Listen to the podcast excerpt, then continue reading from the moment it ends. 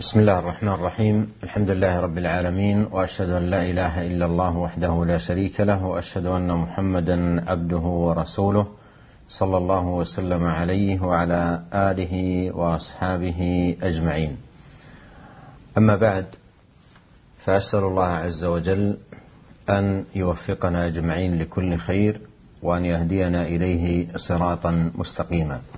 أيها الإخوة المستمعون الكرام نحن في باب جديد من أبواب رياض الصالحين للإمام النووي رحمه الله تعالى وهو باب الولي العادل. وأورد رحمه الله تعالى في أول هذا الباب آيتين كريمتين من كتاب الله جل وعلا.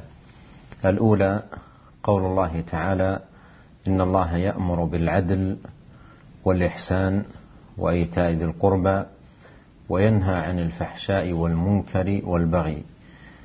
والثانيه قول الله تعالى وأقسطوا إن الله يحب المقسطين. والآيتان كلاهما نص في الأمر بالعدل لأن قوله وأقسطوا أي اعدلوا واحكموا بالعدل. وتجنبوا الجور والظلم. إن الله يحب المقسطين أي يحب أهل العدل. والمراد بالولي العادل أي الذي قام على ولاية أمر من أمور المسلمين سواء خاصا أو عاما. ولهذا العلماء رحمهم الله يقولون الرجل في أهل بيته يعتبر وليا ويسمى ولي الأمر أي أمر البيت. فثمة ولي أمر للبيت وهذه ولاية خاصة. وثمة ولي أمر آه، ولاية عامة في قطر مثلا أو آه، منطقة أو عموم أو لعدد من المسلمين. كل هؤلاء مطلوب منهم العدل. وقد تقدم معنا قول نبينا عليه الصلاة والسلام كلكم راع وكلكم مسؤول عن رعيته. فالأمير راع ومسؤول عن الرعية والأب أيضا في بيته راع ومسؤول عن رعيته. ومطلوب من الجميع أن يكونوا في حكمهم وولايتهم قائمين بالعدل لأن الله سبحانه وتعالى عدل يحب العدل Alhamdulillah wa asyhadu an la ilaha illallah beliau mengucapkan segala puji bagi Allah Subhanahu wa taala dan bersyahadat bahwasanya tidak ada ilah yang berhak disembah kecuali Allah dan bahwasanya Muhammad adalah Rasulullah sallallahu alaihi wasallam dan juga salawat dan salam kepada beliau, kepada keluarganya, dan kepada para sahabatnya semuanya. Amma ba'd, kata beliau, sesungguhnya aku mohon kepada Allah subhanahu wa ta'ala agar diberikan taufik kepada seluruh kebaikan dan agar Allah memberikan kepada kita hidayah kepada jalan yang lurus. Para pendengar yang berbahagia, kita akan memasuki sebuah bab yang baru yaitu bab Al-Waliyul Adil, pemimpin yang adil. Di sini Al-Imam An-Nawawi membawakan dua ayat.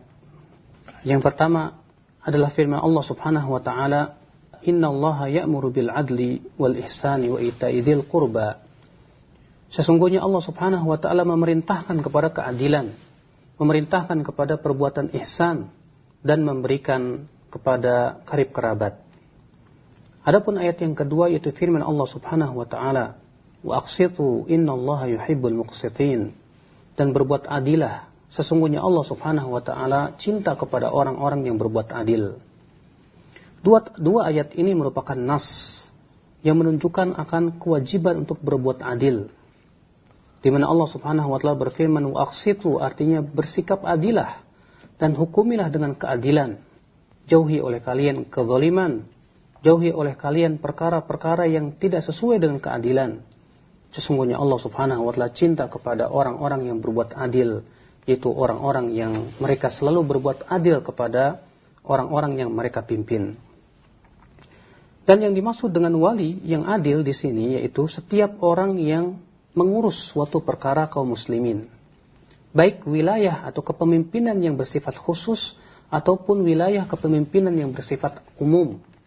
Oleh karena itu kata beliau bahwa para ulama menyebutkan bahwa seorang suami adalah seorang wali di ahli baitnya yaitu di keluarganya. Akan tetapi ini adalah kepemimpinan yang khusus pada keluarganya. Nun di sana ada kepemimpinan yang bersifat umum, yaitu kepemimpinan terhadap suatu negara, kepemimpinan terhadap suatu provinsi. Semua mereka, baik yang umum maupun yang khusus, diperintahkan untuk berbuat adil, bersikap adil. Dan telah e, terdahulu sabda Nabi Shallallahu Alaihi Wasallam yang telah kita bahas kata beliau, yaitu beliau bersabda kullukum ra'in, setiap kalian adalah pemimpin, wa kullukum mas'ulun an ra'iyatih, dan setiap kalian pasti akan dimintai pertanggungjawaban akan kepemimpinannya. Seorang ayah, dia pemimpin, dia akan dimintai oleh Allah. Ya pertanggungjawabannya di hadapan Allah kelak terhadap kepemimpinannya. Demikian pula semua mereka manusia ini yang mempunyai apa kepemimpinan, mereka akan dimintai oleh Allah Subhanahu wa taala dan mereka diperintahkan untuk tegak dengan keadilan karena Allah Subhanahu wa taala cinta kepada orang-orang yang bersikap adil. وفي هذا المعنى قول الله سبحانه وتعالى إن الله يأمركم أن تؤدوا الأمانات إلى أهلها وإذا حكمتم بين الناس أن تحكموا بالعدل إن الله نعم يعظكم به إن الله كان سميعا بصيرا.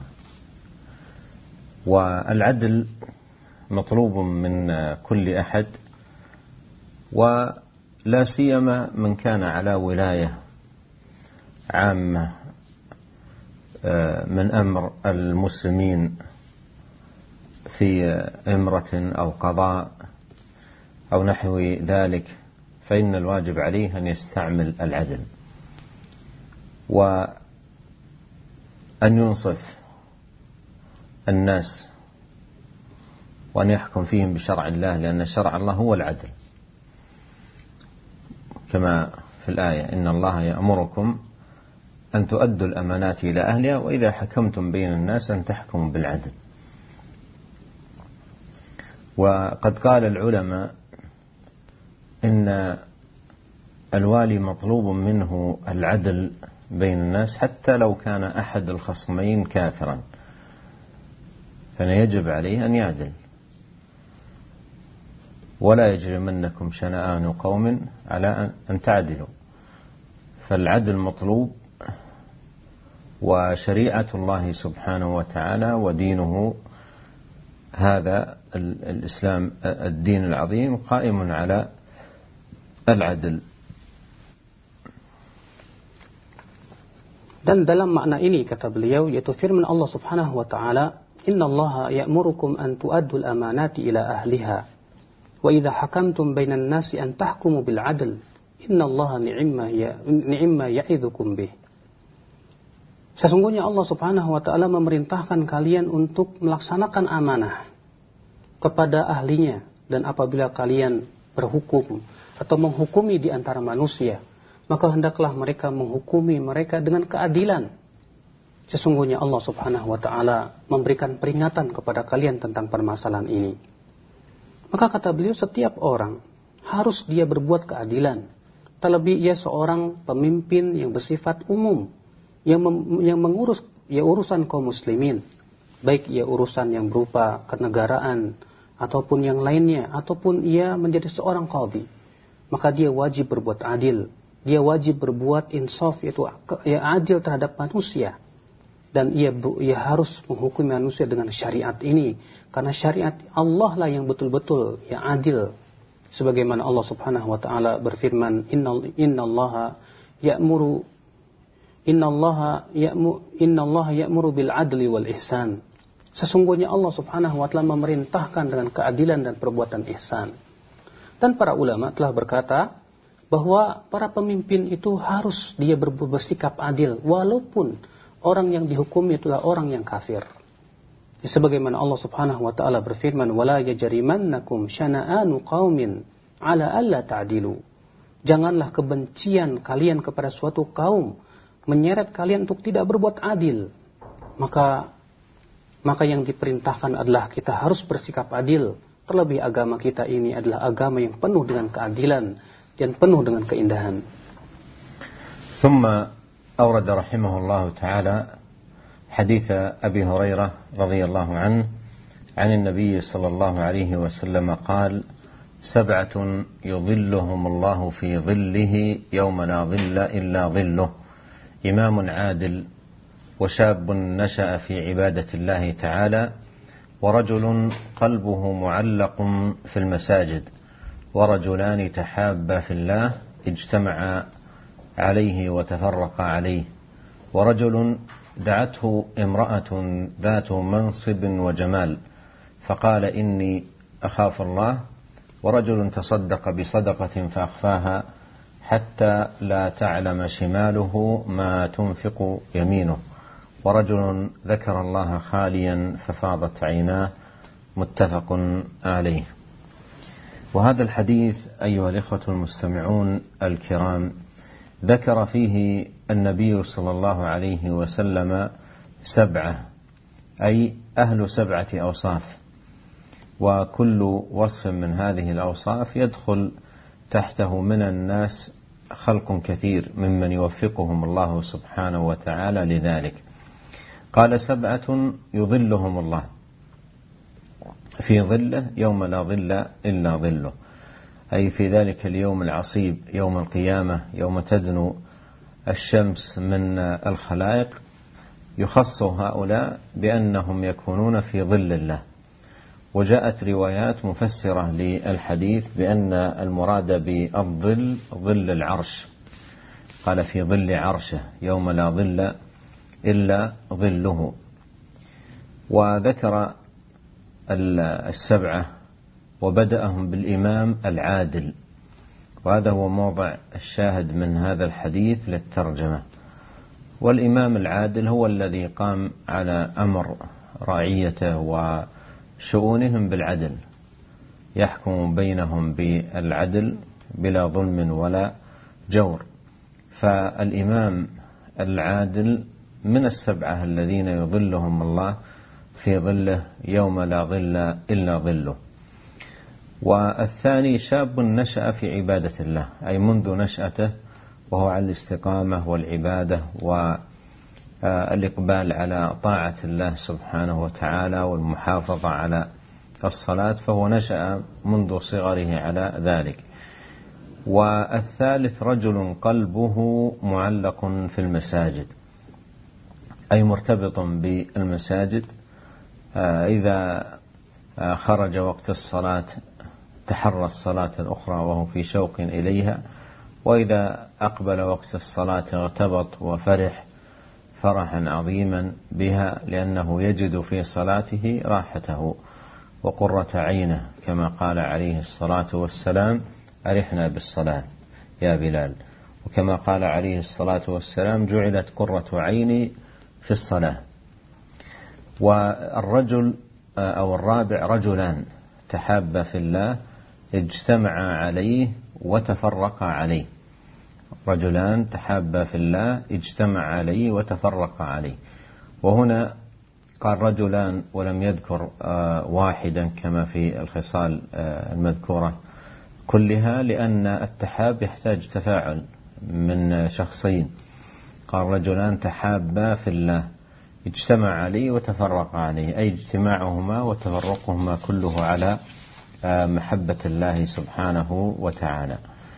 وذكر الرجل الخامس وهو رجل دعته امرأة ذات منصب وجمال. فقال إني أخاف الله. اجتمع في هذه المرأة جمالها فهي جميلة وأيضا ذات منصب فاجتمع فيها أكثر من دافع وموري للوقوع في الفاحشة المحرمة ومع ذلك قال إني أخاف الله. قال إني أخاف الله. أي خوفه من الله سبحانه وتعالى منعه من ارتكاب آه، هذه الفاحشة. رجل دعته امرأة ذات منصب وجمال فقال إني أخاف الله. وهذا أيها الإخوة الكرام فيه أن خوف الله سبحانه وتعالى أساس صلاح العبد. إذا قام في قلبه خوف من الله انحجزت نفسه عن المنكرات والمحرمات والأعمال التي تسخط الله تبارك وتعالى. وذكر الرجل السادس وهو قوله رجل تصدق بصدقة فأخفاها حتى لا تعلم شماله ما تنفق يمينه. من شدة إخفائه للصدقة حرصا على الإخلاص.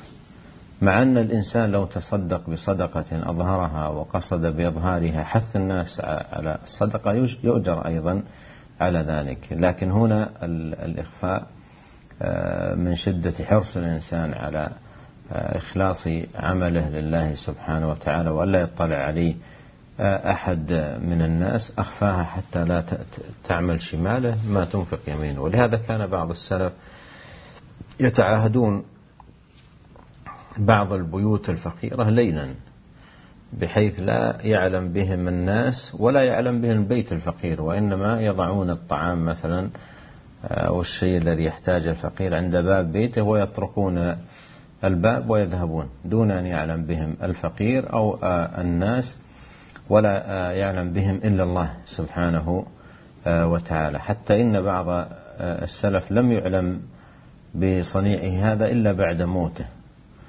آه، وذلك أنه بعد موته افتقد الفقراء في بلده تلك الأمور فعلموا أنها إنما كانت منه. والرجل السابع رجل ذكر الله خاليا ففاضت عيناه. أي أن بكاءه إنما كان من خشية الله. لأن البكاء قد يكون بحضرة الناس مراءة وتصنعا وطلبا لمحمدة الناس. و أما إذا كان خاليا لا يراه إلا الله سبحانه وتعالى فهذا أدعى آه، وأمكن في آه، الإخلاص.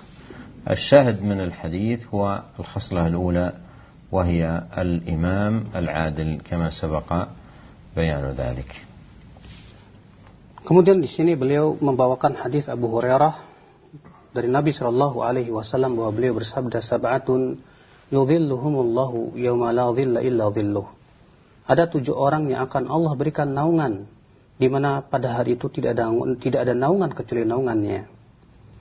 Yang pertama adalah imamun adil, imam yang adil. Yang kedua adalah syabun nasya'a fi ibadatillah. Seorang pemuda yang tumbuh di atas ya ibadah kepada Allah Subhanahu wa taala. Yang ketiga adalah warajulun mu'allaqun qalbu fil masajid. Yaitu seseorang yang hatinya selalu ya terkait dengan masjid yang kedua yaitu rajulani tahaba fillah. Dua orang yang saling mencintai karena Allah. Ya, dia berpisah karenanya dan dia pun ber, ber, bertemu karena Allah Subhanahu wa taala. Dan yang selanjutnya adalah warajulun da'athum ra'atun. Seseorang yang uh, diminta oleh seorang wanita zatu jamal wa mansab yang mempunyai kecantikan dan kedudukan akan tetapi dia takut kepada Allah dan berkata ini akhafullah Sesungguhnya aku takut kepada Allah Subhanahu wa taala. Dan yang selanjutnya adalah seseorang yang tasaddaqa bi sadaqatin fa akhfaha. Seseorang yang bersedekah dengan sebuah sedekah lalu ia menyembunyikannya sampai-sampai tangan kirinya ya tidak mengetahui apa yang di, diinfakkan oleh tangan kanannya. Dan yang ketujuh yaitu warajulun dzakarallaha khalian fafadat ainah. Seseorang yang berzikir kepada Allah sendirian lalu air matanya berlinang Hadis ini muttafaqun alaih dikeluarkan oleh Bukhari dan Muslim. Dalam hadis ini, Nabi Shallallahu Alaihi Wasallam menyebutkan tujuh orang, artinya tujuh orang yang punya sifat-sifat ini, di mana setiap sifat ini masuk padanya banyak manusia yang mempunyai sifat tersebut tentunya yang diberikan oleh Allah, oleh Allah taufik kepadanya. Di mana ikhwatul Islam azani Allah wa iyakum. Allah Subhanahu wa taala akan memberikan naungan pada hari tersebut hari yang sangat sulit, di mana matahari didekatkan satu mil jaraknya. Sehingga pada waktu itu sangat berat sekali untuk manusia. Dan telah disebutkan dalam riwayat-riwayat bahwa yang dimaksud dengan naungan yaitu zillu arshihi yaitu naungan arash Allah subhanahu wa ta'ala. Di sini Nabi Shallallahu Alaihi Wasallam menyebutkan tujuh orang tersebut dan beliau memulai dengan imam yang adil. Inilah ya syahid yang diinginkan dari uh, hadis tersebut. Di mana imam yang adil adalah imam yang melaksanakan keadilan, yang menghukumi manusia dengan penuh keadilan, dengan tanpa kezaliman, dengan tanpa kecurangan. Maka ia termasuk orang-orang tujuh orang yang akan kelak oleh Allah Subhanahu wa taala diberikan naungan di mana tidak ada naungan kecuali naungannya. Yang kedua adalah pemuda yang tumbuh di atas ibadah kepada Allah. Artinya dia semenjak ya dia menjadi seorang pemuda, ia tumbuh dewasa, ia di atas ibadah, ia di atas ketaatan kepada Allah Subhanahu wa taala, di atas istiqamah. Ya sehingga ia pun mencintai sesuatu yang dicintai oleh Allah Subhanahu wa taala. Kemudian yang ketiga kata beliau yaitu seorang laki-laki yang hatinya ya senantiasa terikat dengan masjid. Artinya apabila ia keluar dari masjid dan ia telah selesai melakukan sebuah sholat, ia rindu untuk kembali sholat. Ia rindu sekali untuk kembali bermunajat kepada Allah Subhanahu wa taala. Dan ketika telah hadir waktu sholat, hatinya sangat gembira sekali. Ia terlebih ia menjadikan sholat itu sebagai qurratu ain, sebagai penyejuk pandangannya. Oleh karena itu Nabi Shallallahu alaihi wasallam bersabda kepada Bilal, "Arih Nabi sholat, jadikan kami istirahat dengan sholat wahai Bilal." Dan beliau juga bersabda, "Ju'ilat qurratu aini." Ya, dijadikan penyejuk pandanganku yaitu di dalam sholat. Kemudian yang keempat yaitu dua orang yang saling mencintai karena Allah. Di sini disebutkan dengan kata-kata dua orang karena tidak mungkin kata-kata ya tahaba kecuali harus memerlukan kepada dua orang yang saling mencintai. Di mana ia ya keduanya berkumpul karena Allah dan berpisah pun semuanya karena mencintai Allah Subhanahu wa taala. Sehingga cintanya betul-betul karena Allah. Kemudian yang kelima yaitu seorang laki-laki yang dipanggil oleh seorang wanita yang sangat cantik rupawan dan mempunyai e, kedudukan. Lihatlah kata beliau, terkumpul padanya pada wanita ini dua sifat. Yang pertama adalah kecantikan, yang kedua yaitu kedudukan. Tentu ini ya sesuatu yang terkadang seorang lelaki tidak akan bisa menolaknya karena begitu kuatnya perangsangnya. Akan tetapi dia berkata, ya ini akhafullah, aku takut kepada Allah. Dia takut kepada Allah Subhanahu wa taala. Rupanya rasa takutnya itu yang membuat ia mencegah dia dari perbuatan zina, dari perbuatan fahisyah tersebut. Kemudian ikhwata Islam azan ya Allah, beliau berkata, ini menunjukkan bahwa takut kepada Allah Subhanahu wa taala adalah pokok ya kebaikan seorang hamba. Di mana seorang hamba apabila ia takut kepada Allah dengan sebenar-benarnya takut itulah yang akan menjadi penghalang dia dari berbagai macam kemungkaran. Itulah yang menjadi campuk untuk dia yang meninggalkan berbagai macam kemaksiatan. Kemudian yang keenam kata beliau, rajulun tasaddaqa bisadaqatin ya fa'akhfaha, seseorang yang bersedekah dengan sebuah sedekah yang ia sembunyikan. Ya saking ia menyembunyikan sedekahnya. Kenapa? Untuk memelihara keikhlasannya. Padahal kata beliau, kalau ada seseorang yang sodakoh dengan terang-terangan dengan maksud tujuannya apa? Agar orang-orang mengikuti perbuatannya, tetap ia diberikan pahala. Akan tetapi karena ia memang betul-betul memelihara keikhlasannya, sehingga dia pun ia berusaha untuk menyembunyikannya. Bahkan kata beliau, dahulu ya sebagian salaf, ia berusaha untuk mereka itu ya bersodakoh di waktu malam. Sengaja mereka letakkan makanan ataupun harta di sebuah pintu ya orang miskin. Setelah itu dia langsung pergi. Di pagi harinya ternyata orang itu, ya orang miskin tersebut menemukan makanan ataupun harta tidak ada yang mengetahui siapa yang memberikannya. Ya hanya yang yang tahu hanyalah Allah Subhanahu wa taala. Bahkan sebagian salaf terdahulu kata beliau, ya tidak diketahui ya tentang amalan sodakonya tersebut kecuali setelah kematiannya. Subhanallah. Kemudian yang ketujuh kata beliau yaitu ya rajulun zakarallaha khaliyan fafadat ainah. Seseorang yang berzikir kepada Allah sendirian sehingga air matanya berlinang. Ya ini menunjukkan ya bahwa rasa apa menangisnya itu karena takut kepada Allah. Ya karena orang yang menangis di hadapan di hadapan manusia, terkadang nangisnya hanya ria. Ingin dilihat oleh manusia bahwa dia menangis, dia takut kepada Allah Subhanahu wa taala. Akan tetapi ketika ia berzikir kepada Allah sendirian, kemudian ia pun menangis, berlinang air matanya, itu menunjukkan kepada keikhlasannya dan ini tentunya ia lebih ikhlas. Nah, kata beliau, yang diinginkan dari hadis ini yaitu sabda Rasulullah SAW al-imamul adil. Nah, Masya. ثم أورد رحمه الله تعالى حديث عبد الله بن عمرو بن العاص رضي الله عنهما قال قال رسول الله صلى الله عليه وسلم إن المقسطين عند الله على منابر من نور الذين يعدلون في حكمهم وأهليهم وما ولوا. هذا الحديث فيه بيان ثواب العدل العظيم عند الله سبحانه وتعالى. وأن المقسطين أي أهل العدل عند الله على منابر من نور. أي مكانهم ومكانتهم عند الله سبحانه وتعالى أنهم على منابر من نور آه، يوم القيامة. جزاء لما كانوا عليه من عدل في حكمهم وأهليهم وما ولوا من أمر المسلمين. فهذا الحديث فيه الثواب العظيم الذي أعده الله سبحانه وتعالى للعدل وأهله Kemudian beliau membawakan hadis Abdullah bin Amr bin As radhiyallahu anhu bahwasanya Rasulullah sallallahu alaihi wasallam bersabda innal muqsitina ala manabir min nur sesungguhnya orang-orang yang berbuat adil itu berada di atas mimbar-mimbar dari cahaya siapa mereka itu orang-orang yang berbuat adil pada hukum mereka pada keluarga mereka dan orang-orang yang mereka urus dalam hadis ini kata beliau terdapat penjelasan tentang betapa agungnya pahala orang-orang yang berbuat keadilan itu. Dan bahwasanya orang yang berbuat keadilan itu di atas mimbar-mimbar dari cahaya pada hari kiamat sebagai balasan terhadap perbuatan mereka yang mereka menghukumi orang-orang yang mereka urus tersebut ya dengan penuh keadilan. Ini jelas adalah diberikan oleh Allah Subhanahu wa taala pahala yang agung dan tentunya ini merupakan keutamaan bagi mereka orang-orang yang berbuat keadilan. ثم أورد رحمه الله تعالى حديث عوف بن مالك رضي الله عنه قال سمعت رسول الله صلى الله عليه وسلم يقول خيار أئمتكم الذين تحبونهم ويحبونكم وتصلون عليهم ويصلون عليكم.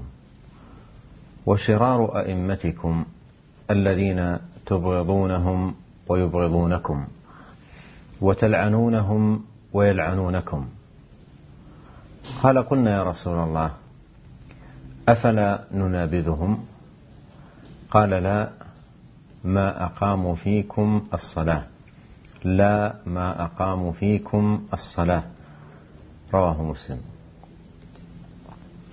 ومعنى قوله تصلون عليهم أي تدعون لهم. وهذا الحديث أورد رحمه الله تعالى لبيان فضل العدل ومكانته وأن العدل سبب لفائدة دنيوية معجلة للإمام العادل أن رعيته تحبه وهو يحبهم وأن رعيته تصلي عليه أي تدعو له وهو أيضا يدعو لهم. ففيه محبة متبادلة وفيه دعاء بخلاف الحاكم أو الوالي الظالم. فإن رعيته تبغضه ولا تحبه وتذمه ولا تمدحه وتشتمه ولا تثني عليه وتذكره بظلمه وبغيه وعدوانه. قال الصحابة رضي الله عنهم لما ذكر لهم صفة شرار الأئمة قالوا يا رسول الله أفلا ننابذهم؟ أي نظهر لهم عداوتنا وبغضنا ونعلن نزع اليد من الطاعة والخروج عليهم. قال لا لا تفعلوا ذلك. لا ما أقاموا فيكم الصلاة. لا ما أقاموا فيكم الصلاة. إذا كانت الصلاة مقامة لم يمنعوكم من أدائها فإياكم ومنابذتهم. واحذروا من ذلك لماذا؟ لأن في الخروج عليهم من الشرور والمفاسد ما هو أعظم من المصلحة المرجوة بالخروج عليهم والشريعة جاءت بجلب المصالح ودرء المفاسد وهي شريعة قائمة على الخير وصلاح أمور العباد ودفع الضرر عنهم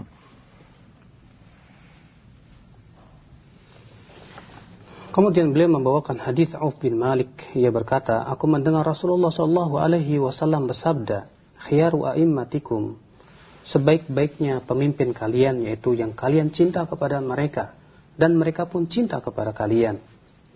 Kalian mendoakan kebaikan untuk mereka dan mereka pun mendoakan kebaikan untuk kalian. Dan seburuk-buruknya e, pemimpin kalian adalah orang yaitu mereka yang kalian benci kepada mereka dan mereka pun benci kepada kalian. Kalian melaknat mereka dan mereka pun melaknat mereka. Ya, mereka pun melaknat kalian. Kemudian e, para sahabat berkata, "Wahai Rasulullah, bolehkah kita melawan mereka?" Kata Rasulullah, "Tidak boleh selama mereka menegakkan sholat, selama mereka menegakkan sholat." dikeluarkan Imam Muslim. Yang dimaksud dengan tusallun ay tad'una lahum. Artinya kalian mendoakan kebaikan untuk mereka. Di sini Al-Imam Nawawi menjelaskan ya tentang keutamaan keadilan.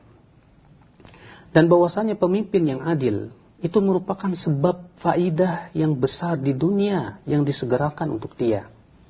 Di mana ya rakyatnya akan mencintai dia, dia pun akan cinta kepada rakyatnya. Rakyatnya akan mendoakan kebaikan untuk dia dan dia pun mendoakan kebaikan untuk mereka. Berbeda dengan pemimpin yang zalim, ya pemimpin yang curang, ya maka itu akan menyebabkan rakyatnya benci kepada dia dan dia pun akan benci kepada rakyatnya. Ya sehingga rakyatnya mencela dia, mencaci dia, menyebutnya dengan kejelekan, ya bahkan mungkin menegakkan permusuhan kepadanya.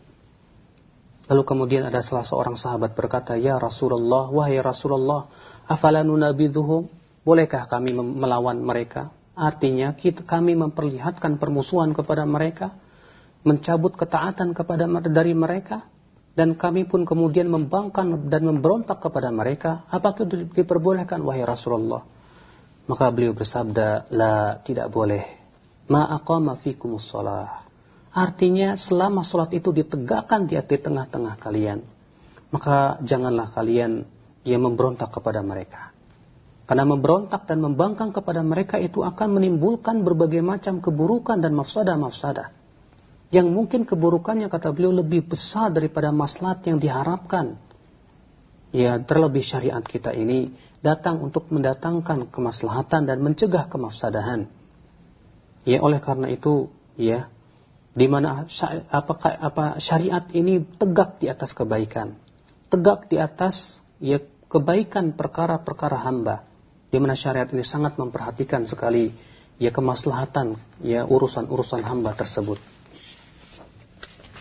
ثم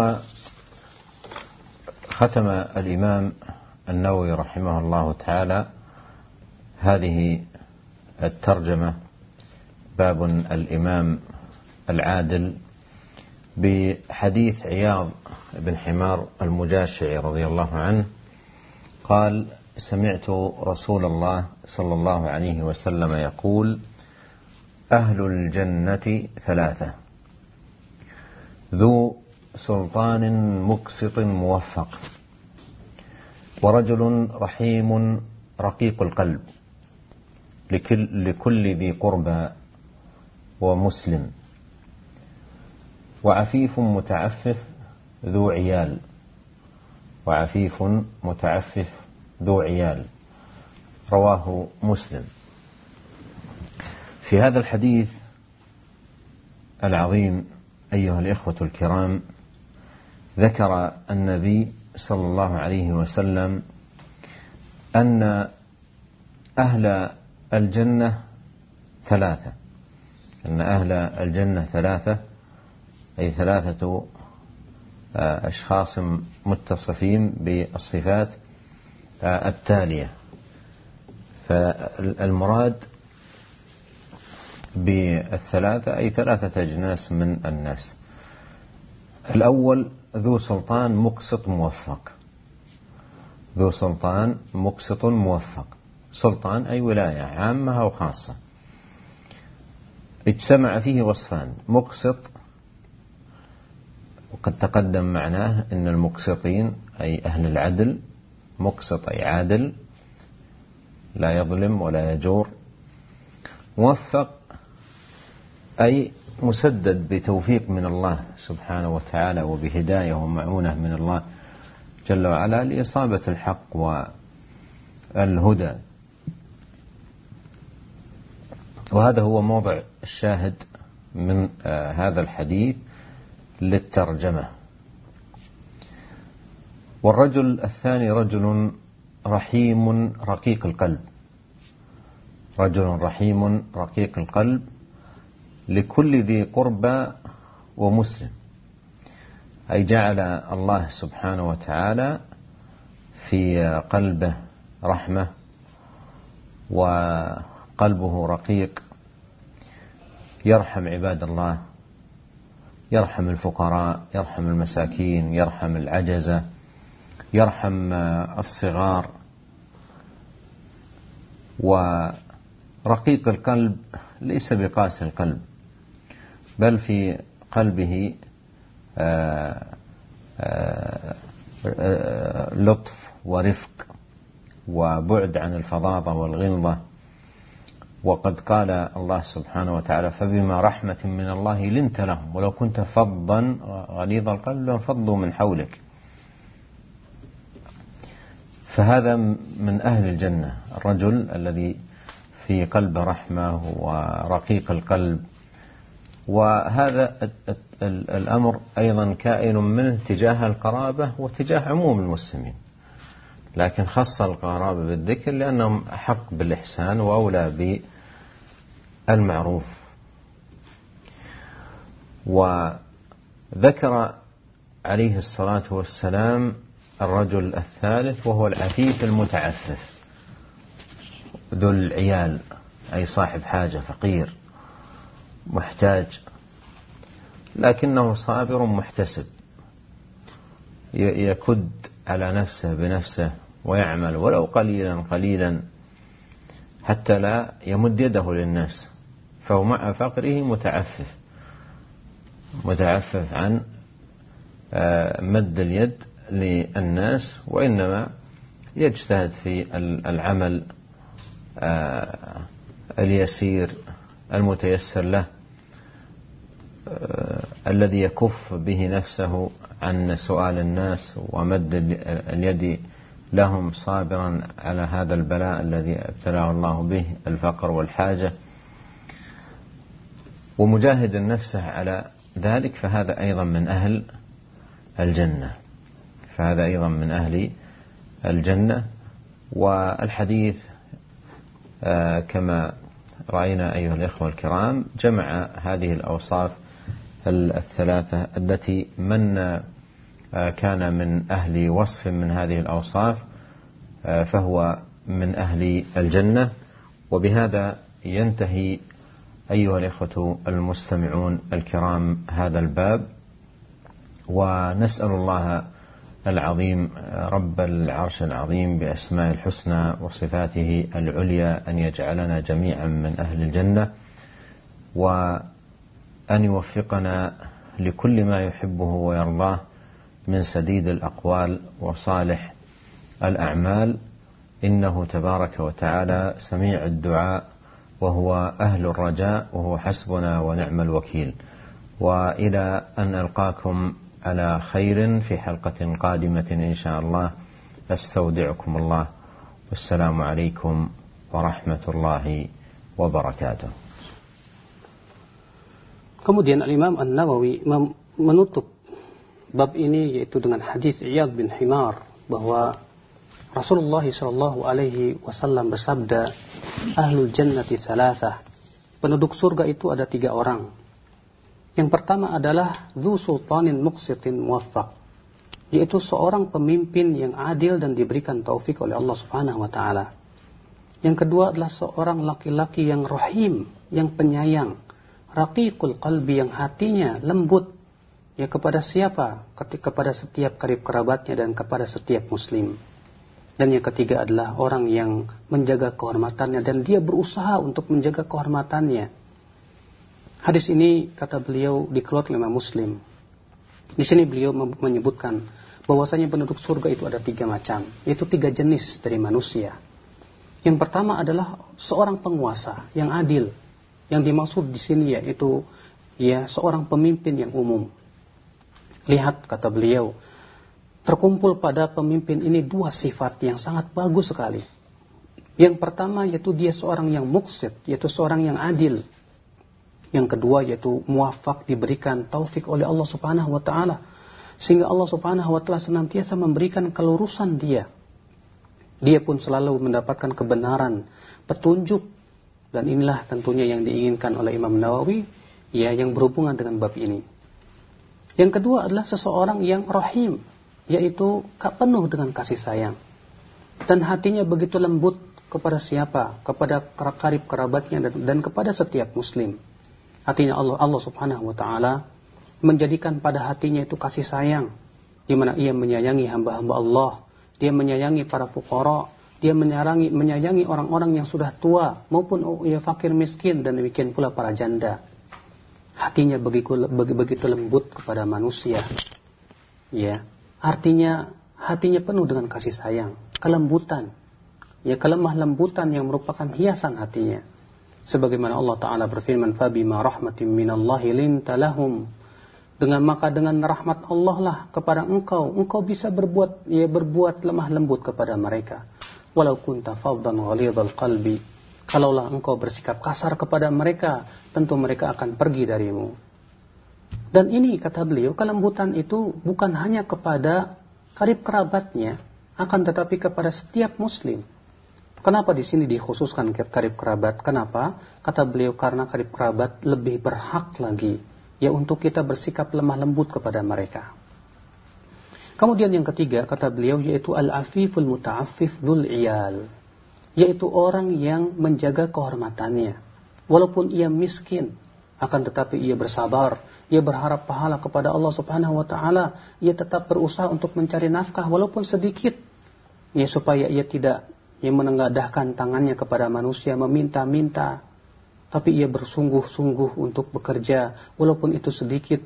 Akan tetapi ia dia berusaha untuk mencegah dirinya. Jangan sampai ia menjadi orang-orang yang suka minta-minta kepada manusia. Ia berusaha untuk sabar menghadapi musibah yang menimpa dia dia berusaha untuk berjuang melawan hawa nafsunya berjuang melawan dirinya agar ia termasuk orang-orang yang menjaga dirinya dan kehormatannya sehingga ia pun termasuk orang-orang yang masuk ke dalam surga di sini Rasulullah SAW kata beliau, yang mengumpulkan sifat-sifat ya ahli surga. Bahwasanya mereka inilah orang-orang yang akan masuk surga. Maka dengan ya hadis ini, ya Imam Nawawi menutup bab ini dan kita mohon kepada Allah Subhanahu wa taala melalui nama Allah yang yang tinggi, yang baik dan sifat-sifatnya yang mulia agar Allah menjadikan kita termasuk penduduk surga. Dan agar Allah Subhanahu wa taala memberikan taufik kepada kita kepada setiap apa yang Allah cintai ya dari kebaikan. Dan agar diberikan kepada kita kelurusan dalam perkataan karena dialah Allah Subhanahu wa taala sebagai penggantungan pengharapan kita dan insya Allah kata beliau kita akan bertemu kembali pada pertemuan yang akan datang dan akhirnya sampai di sini pertemuan kita. Nah.